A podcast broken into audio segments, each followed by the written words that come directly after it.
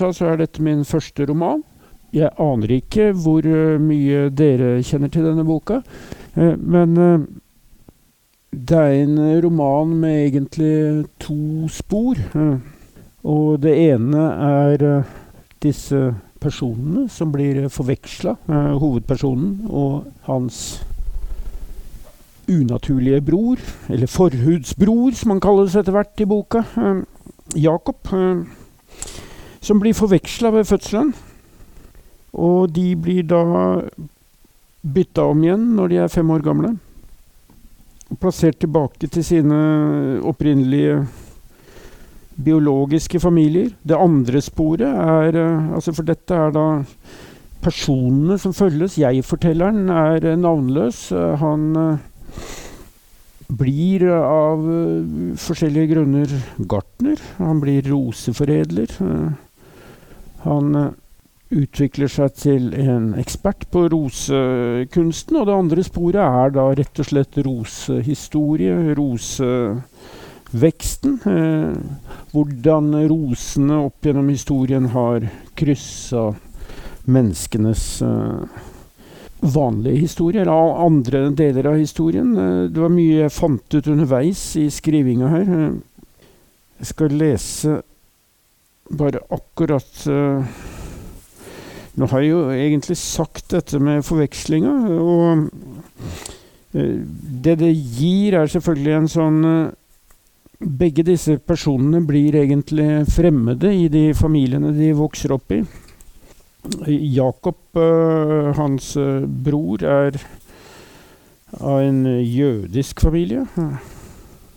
Jeg tror jeg vil hoppe over akkurat børjan her, og så går jeg rett på slakterisekvensen. Kort tid etterpå fikk jeg sjøl treffe puddingen. Det var en dag mor måtte gå til legen, og far tok meg med til kjøtthallen der han jobba. Allerede på utsida hang det lange rekker med størkna, blodlilla dyreskrotter på svære kroker fra skinner i taket. I garderoben slamra far med døra til skapet sitt og dro på seg hvit skjorte snekkerbukser og tjukt gummiforkle. De hadde ikke støvler små nok til føttene mine, så jeg måtte låne den minste damestørrelsen, som likevel rakk meg til knærne. Ute i hallen var det flere menn med gule, grove fingre og ru røst som fleipa med far. Han rulla en ny røyk og spytta ut kjappe svar, mens vi gikk forbi en rad blanke traller som alle hadde fire flotte hjul, med seks solide eiker og et mindre hjul, som kunne snurre rundt i den andre enden. Likevel kunne jeg ikke leke med dem, for oppå trallene lå det feite griselik. Noen kom trillende med et firkanta fat, så stort som et lite badekar, også det på små hjul. Og det stålblanke fatet var fylt til randen med nytappa blodskum som dampa opp med en stram lukt av jern og pyton. Vi kom til en fyr som het Thorvald. Han sto med ei tung øks og ei sirkelsag som han heiste ned fra taket til et svart bord, hvor han kutta griseskrotter så det sang i kjøttet og beinstøvet spruta fra saga, og plutselig måtte jeg spy. Far tok en slange og spylte frokosten min rett ned i sluket, og sa det var hans feil. Han skulle ha sett hvor bleik jeg var om nebbet og forstått at jeg var like skjør som mora mi, som alltid har hatt nerver, i alle fall så lenge han kunne huske og det var ikke noe å gjøre med den saken. Jeg prøvde å si at det bare var lukta som gjorde meg kvalm, og lyden av øksa i kjøttet og fargen på flesket og formen på griseørene, men han sa bare ja da, gutten min. Torvald sa noe til far som jeg ikke forsto et ord av, men far svarte at Thorvald burde passe både kjeften sin og saga så han ikke mista flere fingre. Dette var det fine med den nye saga, svarte Thorvald, at du måtte heise den ned med begge hendene. Så viste han meg to korte fingerstubber og sa at det var verre da han kjørte saga med den ene hånda. Stubbene var blålige i tuppen, og når han rørte på dem, så de ut som to blodsprengte nisser. Hils på Hjallis og kuppelen, sa han og la til at det skulle nok bli arbeidskar av meg også med tida. Far mente vi fikk gå opp i kantina, hvor jeg kunne sitte og tegne og drikke kakao og prate med Ragnhild. Jeg hadde med ei splitter ny tegneblokk og fargeblyanter, og Ragnhild serverte ikke bare kakao, hun kom også med egg og bacon. En tjukk mann med rødt ansikt kløyp meg i kinnet og spurte hvem som hadde lært meg å tegne så fint, men Ragnhild sa at han skulle la meg være i fred og pelle seg ut. Det der var puddingen, sa hun da han var gått. Han skal du ikke bry deg om, han er full av løgn og fanteri og lager bare kvalm. Kinnet verket etter fingrene hans. Hele dagen kom det forskjellige typer innom, og Ragnhild sendte dem på dør så fort de begynte å plage meg. Derfor var det Ragnhild jeg snakka om da jeg kom hjem, og mor svarte at hun kanskje fikk ta seg en tur og hilse på denne Ragnhild, som tok seg så godt av gutta hennes. Far syntes også det var en god idé, men da geipa mor til ham og sneipa røyken i askebegeret og gikk inn på soverommet og begynte å grine. Far sa ikke noe, men jeg skjønte det var min skyld, og gikk inn og holdt henne i hånda. Neste dag, da far var gått på jobb, satt mor og grein igjen. Og dagen etter.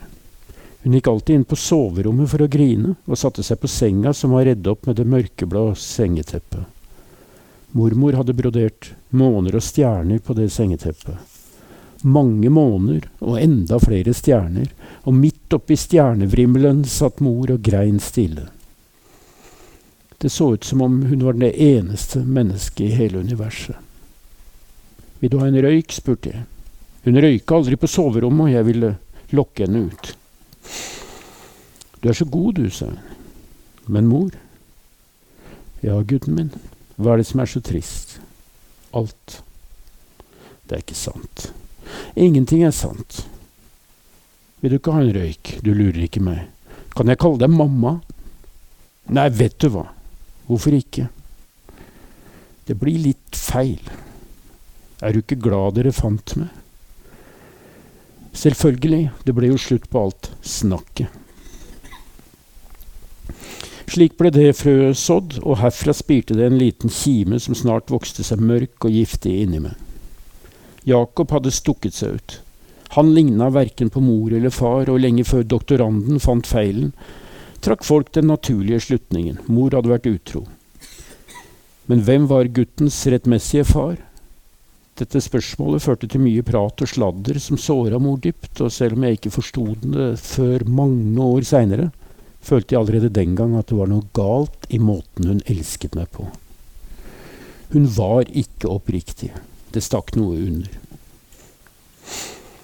Neste kapittel heter da 'Djevelen under oss', eh, og det handler om det som skjer. Djevelen under er naboen under. Det er faren som kaller han for jævelen. Og det handler om det som skjer da denne Jakob uh, skal bli henta inn for å legges inn til omskjæring. Uh,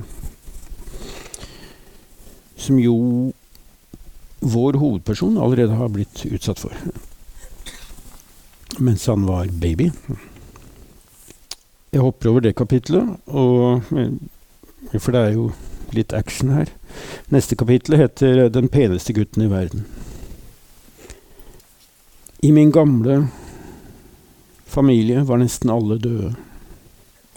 De ble sendt til leir i Tyskland under krigen. Mamma hadde fortalt hvordan politiet banka på tidlig en morgen og henta dem ned til den store båten. Av en eller annen grunn fikk jeg det for meg der og da at det var nazistene som kom tilbake for å hente Jakob. Derfor ropte jeg ut. Du må stoppe dem, far. Visst faen skal jeg stoppe dem, svarte far. Han var en stor mann. Han var en sinna slakter. Han var en far som forsvarer sin første sønns forhud, og som sto flere trinn over konstablene i oppgangen.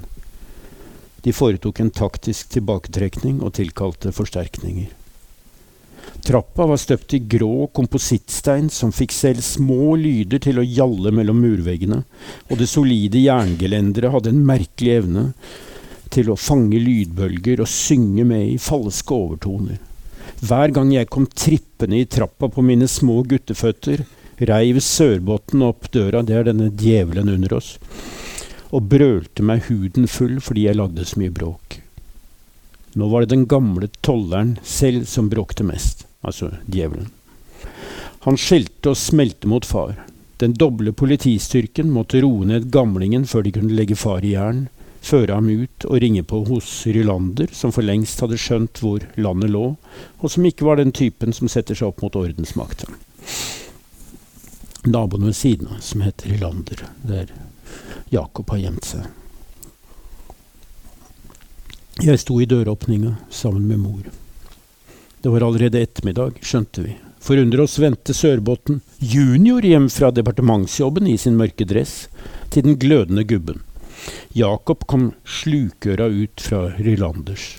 Han var sannsynligvis den peneste gutten i hele verden, med lange, svarte lokker og tjukke lepper. Han er jentepen, hadde far sagt.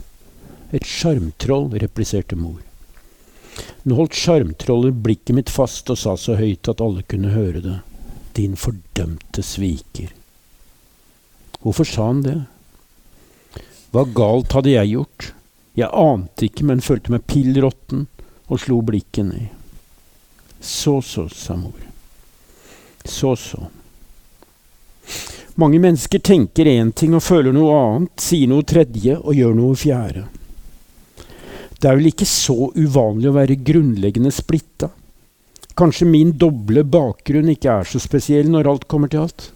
Kanskje den bare gjør noe ganske alminnelig mye mer tydelig. Jeg vet ikke. Det som imidlertid beit seg fast i meg, var denne bevisstheten om svik. Hvordan kunne jeg noensinne bli hel ved, jeg som var både det ene og det andre? Jakobs røst fra oppgangen fulgte meg lenge. Anklagen sang som en dyp undertone, og jeg kunne høre den fra min egen munn. Det klang sterkere når jeg prøvde å snakke normalt, enn når jeg gjorde meg til. Ikke engang stemmen var min egen. Det verste var at denne undertonen, som bare jeg hørte, ikke var falsk. Det var den som var den ekte. I alle fall hørtes det sånn ut i mine ører. En sein kveld på kjøkkenet sa jeg det til mor, som sto og lagde knekk. Noen ganger kan jeg høre en pen gutt som snakker inni meg.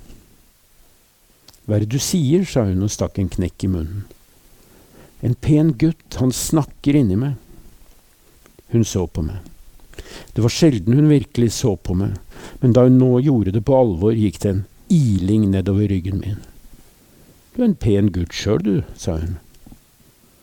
Nei, jeg er stygg, men han pene gutten, du veit godt hvem det er. Ingen er penere enn du, sa hun og klemte meg inntil seg. Jeg skjønte at hun klemte meg for at jeg ikke skulle se henne, men jeg trengte ikke se henne for å vite at hun jugde, langt inn i beinmargen kjente jeg det, der hun holdt meg i sin kjærlige skrustikke. Det som videre skjer, det hoppes litt. Denne boka begynner uh, ganske mange år uh, etterpå, og så er det et tilbakeblikk med opprulling fra, fra fødselen. Og da fortelles egentlig hele livet i bortimot 50 år her.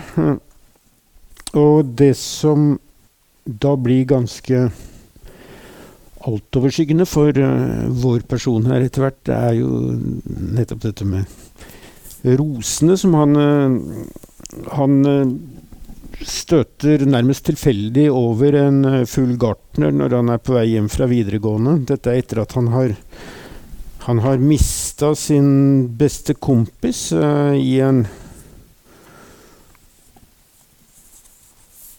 LSD-tripp da de er 15 år gamle. Det står ikke i boka, men det er sånn jeg har det i At de er 15 år gamle, altså. Eh, en litt sånn ufrivillig uh, syretripp uh, som er en stor opptur for vår uh, person, og som er en stor absolutt nedtur for hans beste kompis HP. Men jeg skal ikke lese det. Men det er nemlig noen sånne tapserfaringer i denne personen som er ganske vesentlige. Ved siden av denne store usikkerheten hans. For han er jo en sånn person som overhodet ikke finner seg til rette i samfunnet, eller uh, finner noen naturlig vei inn i uh, det. Men han Han går altså da på videregående. Han uh, begynner å jobbe på dette gartneriet. Og han treffer ei jente som er uh, insektsamler, Hun som blir hans første og hans store kjærlighet. og hun blir syk og dør ganske tidlig. veldig tidlig. Da er selvfølgelig livet for denne personen fullstendig meningsløst. men han lar seg via sin unaturlige bror, så lar han seg overtale til å begynne på gartnerskole. Så gjør han det, og så via mange om og men så arver han dette gartneriet etter hvert. Men som sagt, eh, boka har også mange passasjer om rosenes historie, om hvordan rosene har blitt uh, dyrka fram. Og jeg skal lese litt rosehistorie her nå. Vi har lett for å forestille oss romerne som soldater og strateger. Men følsomme rikmannssønner ble også preget av mer utflytende idealer, og romerske fortellinger vitner om dekadente livsformer. Alle kjenner historien om prinsessa på erten, men svært få vet at dette eventyret er en moderert versjon av en historie Seneca fortalte om en ung livsnyter som ikke fikk sove fordi et av de nederste kronbladene i rosemadrassen hadde krølla seg. Lenge før den tid var Babylon kjent for sine hager. Da byen kapitulerte for Alexander i år 331 før Kristus, red han inn i byen på et hav av friske roser. Dette var i slutten av oktober. Og så seint på året sto bare to sorter fremdeles i blomst. Den enkle moskusrosen og den fylte høstdamasken. En enkel rose er en rose med bare fem-seks eh, kronblader. Vanligvis fem, da. Denne siste er Europas første gjenblomstrende eller remonterende rose. Hver sjette uke blomstrer høstdamaskrosen på nytt, og ved Aleksanders inntog i Babylon sto den der i fullt flor sammen med sin hvite oldemor av slekta Moskus. I planteriket kan forskjellige slektledd leve side om side i årtusener, og damaskrosen kommer i navnet fra det store roselandet Syria, altså Damaskus, men dens virkelige stambusker er den galliske provinsrosen, også kalt apoteker eller eddikrose, samt to hvite sentralasiatiske fjellroser. Moskusrosen, og en tornete raring som kun har latinsk navn, og som er opphavet til damaskens gjenblomstring og grønne øye. Rosa fechencoana. Duften har damaskrosen etter sin moskusoldemor. For den som er oppkalt etter Olga Fetsjenko, dufter som rugbrød med ripsgelé. Disse tre stambuskene kan umulig ha truffet hverandre uten menneskelig medvirkning. Slik er damaskrosen ikke bare en blomst, den er også et fotspor og et levende bevis på at noen, handelsfolk eller flyktninger, lenge før vår tidsregning, gikk øst eller vestover langs det som seinere ble Silkeveien, og at de tok med seg roser. Lett kan det ikke ha vært. De forskjellige stambuskene eller frøene reiste over 5000 km. Reisen aleine tok flere måneder.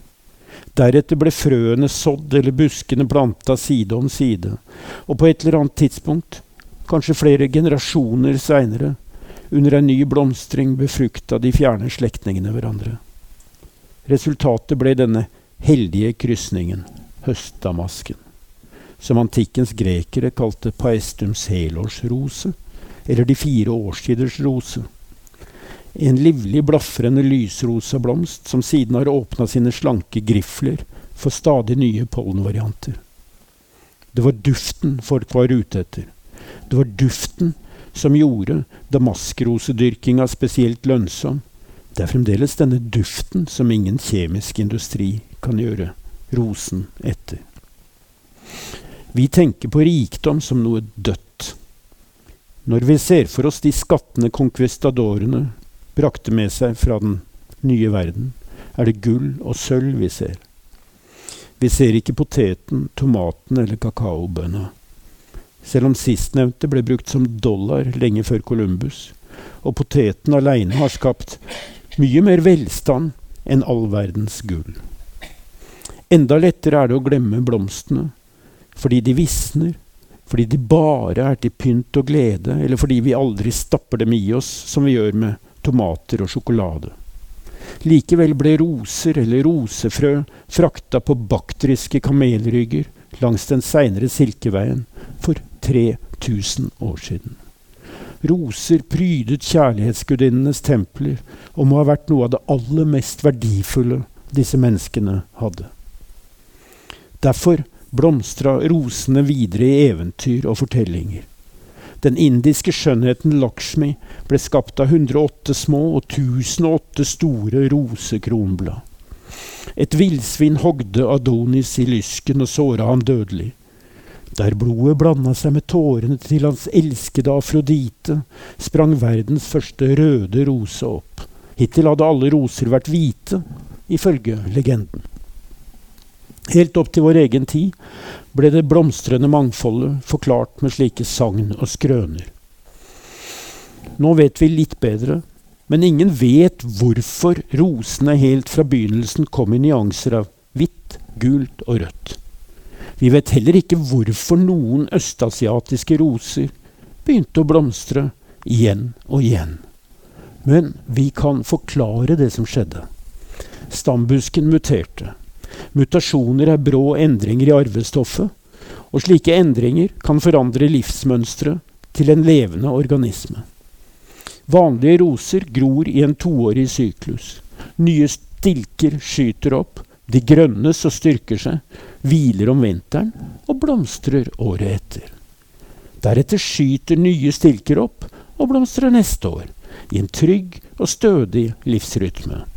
Bygge basis, blomstre bygge basis, blomstre. Det er en litt skeptisk, men veldig fornuftig måte å utfolde seg i verden på. Naturen rundt er ofte ugjestmild. Å gå for fort fram straffer seg lett. Plutselig var det en frekkas av en mutasjon som ga seg til å blomstre umiddelbart på alle nye skudd.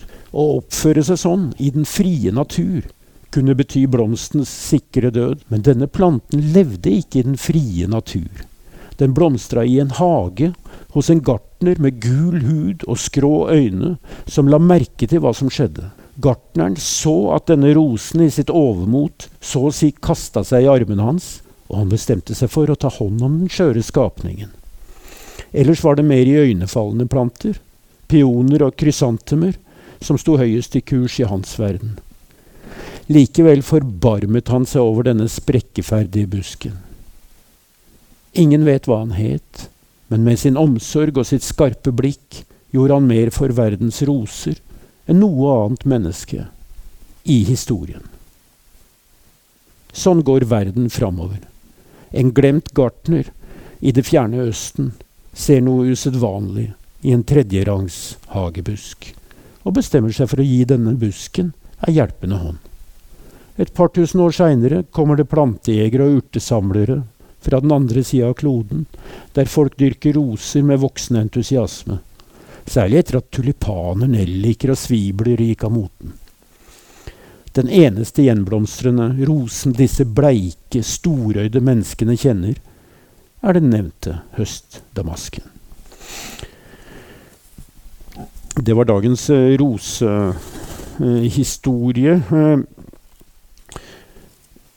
Boka begynner med en, eh, et kapittel som heter Det er en rekke korte kapitler i den boka. 'Revolusjonshagen'. Og roserevolusjonen skjedde omtrent samtidig med den franske revolusjonen, altså på 1790-tallet.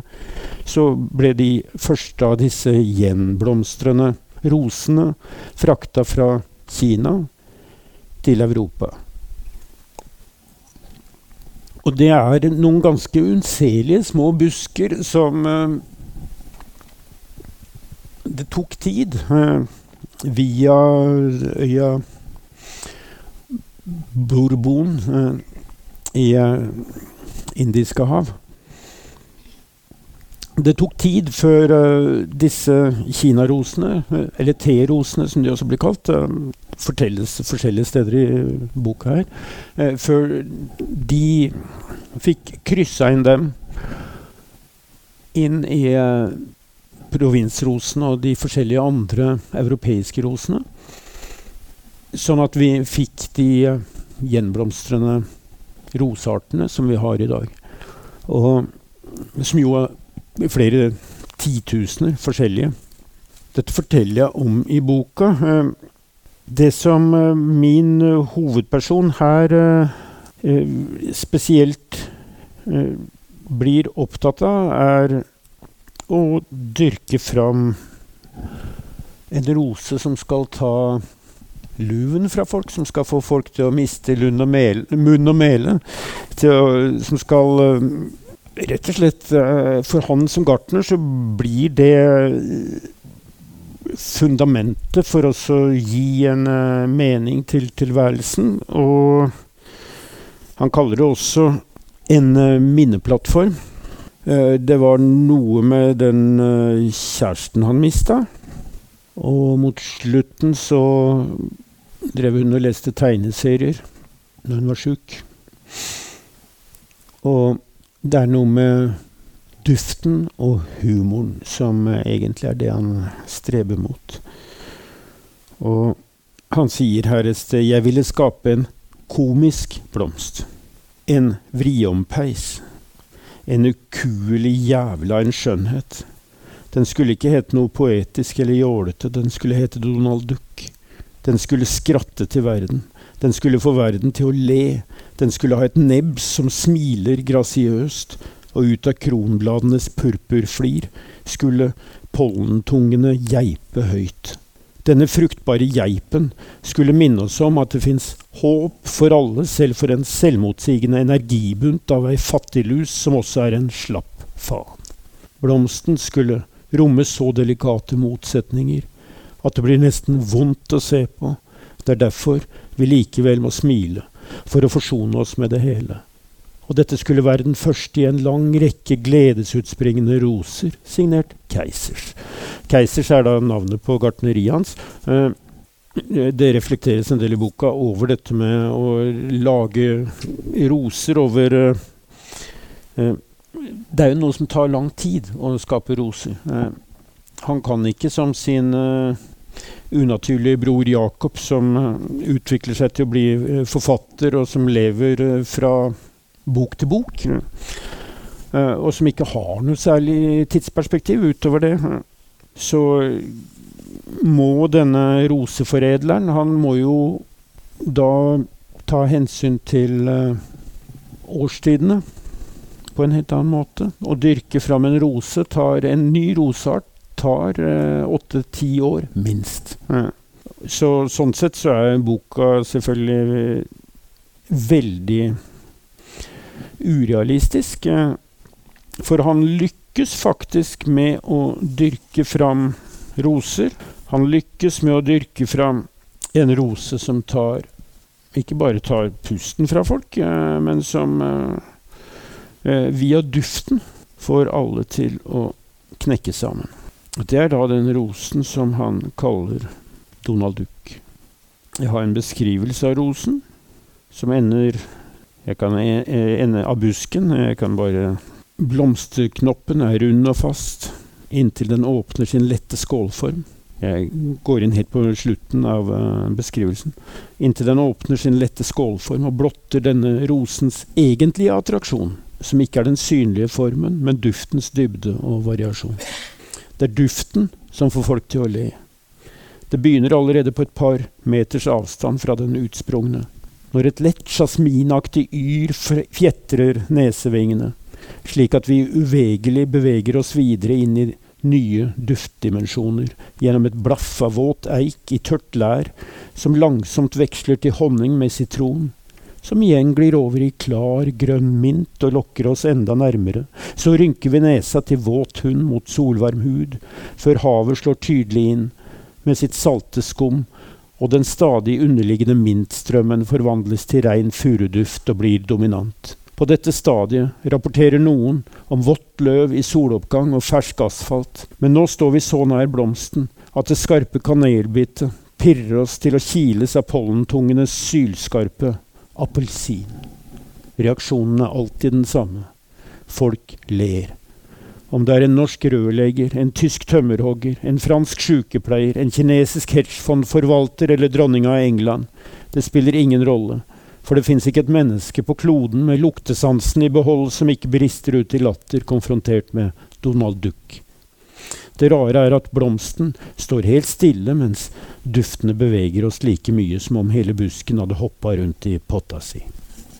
Det som videre skjer Jeg skal jo ikke uh, røpe hele boka, men uh, uh, han skal da introdusere disse her i, på Chelsea Flower Show, er verdens største blomstershow i England. Før han drar dit, så er han her sammen med denne Jakob og hans venn Stein. Så går de ned i rosekjelleren, der de lagrer de minst hardføre sortene om vinteren. Der de står og fryser seg gjennom vinteren. En rosekjeller har en egen dvaleaktig stemning, som om vi befinner oss i en gråsone mellom liv og død. Buskene står tett i tett med nakne greiner. Vi dyrker dem i finmaska nettingkurver, slik at de kan løftes opp med jordmassen i behold når frosten har ødelagt de siste blomstene. Alle blader plukkes vekk for å unngå mugg. Mellom de grove murveggene kaster den enslige lyspæra et gjenskinn mer enn et lys, og med det samme er det vanskelig å avgjøre hva som er busker og hva som er skygger. Det er ufattelig at denne tørge, tørre fargeløsheten snart skal springe ut i blomster som tar pusten fra oss.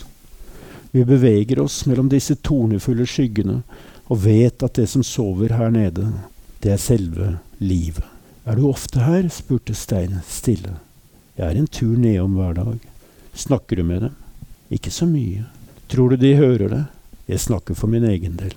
Hva sier du da? Jeg sier sånt som en bare sier til roser. Eller til de døde. De døde. Ja, skal vi gå opp? Er den lille eh, de er egentlig, Stein er en kompis av Jakob. Det er egentlig noen komiske episoder med disse to forfatterne. Og, eh, for det neste her heter da 'Undergang før avreise', og så drar han til uh, London og skal introdusere ikke bare Donald Duck, men resten av Andeby-kolleksjonen. Han har ti roser å introdusere der. Uh, på føråpninga så skjer det en liten katastrofe med dronninga. Dere hørte at dronninga av England ble nevnt. Så hun overreagerer litt på Donald Duck. Og dermed så må denne rosen dessverre eh, vingeklippes, kan du si. Akkurat hvordan det skjer, det må man bare lese boka for å finne ut av. Eh, vår eh, mann han kommer da deprimert hjem, selvfølgelig. Han river opp de andre rosene derfra han nekter å introdusere dem. Han kommer deprimert hjem. Han møter kemneren i døra. For han har da egentlig, for å få til denne, denne lanseringa av de ti rosene, så har han tatt opp noen eh, store banklån. Og han har gitt blanke i forskuddsskatten i et par uh, runder. Uh, som jo skal betales 15. mars og 15. mai. ikke sant? Uh, Chelsea Flower Show er da i slutten av mai.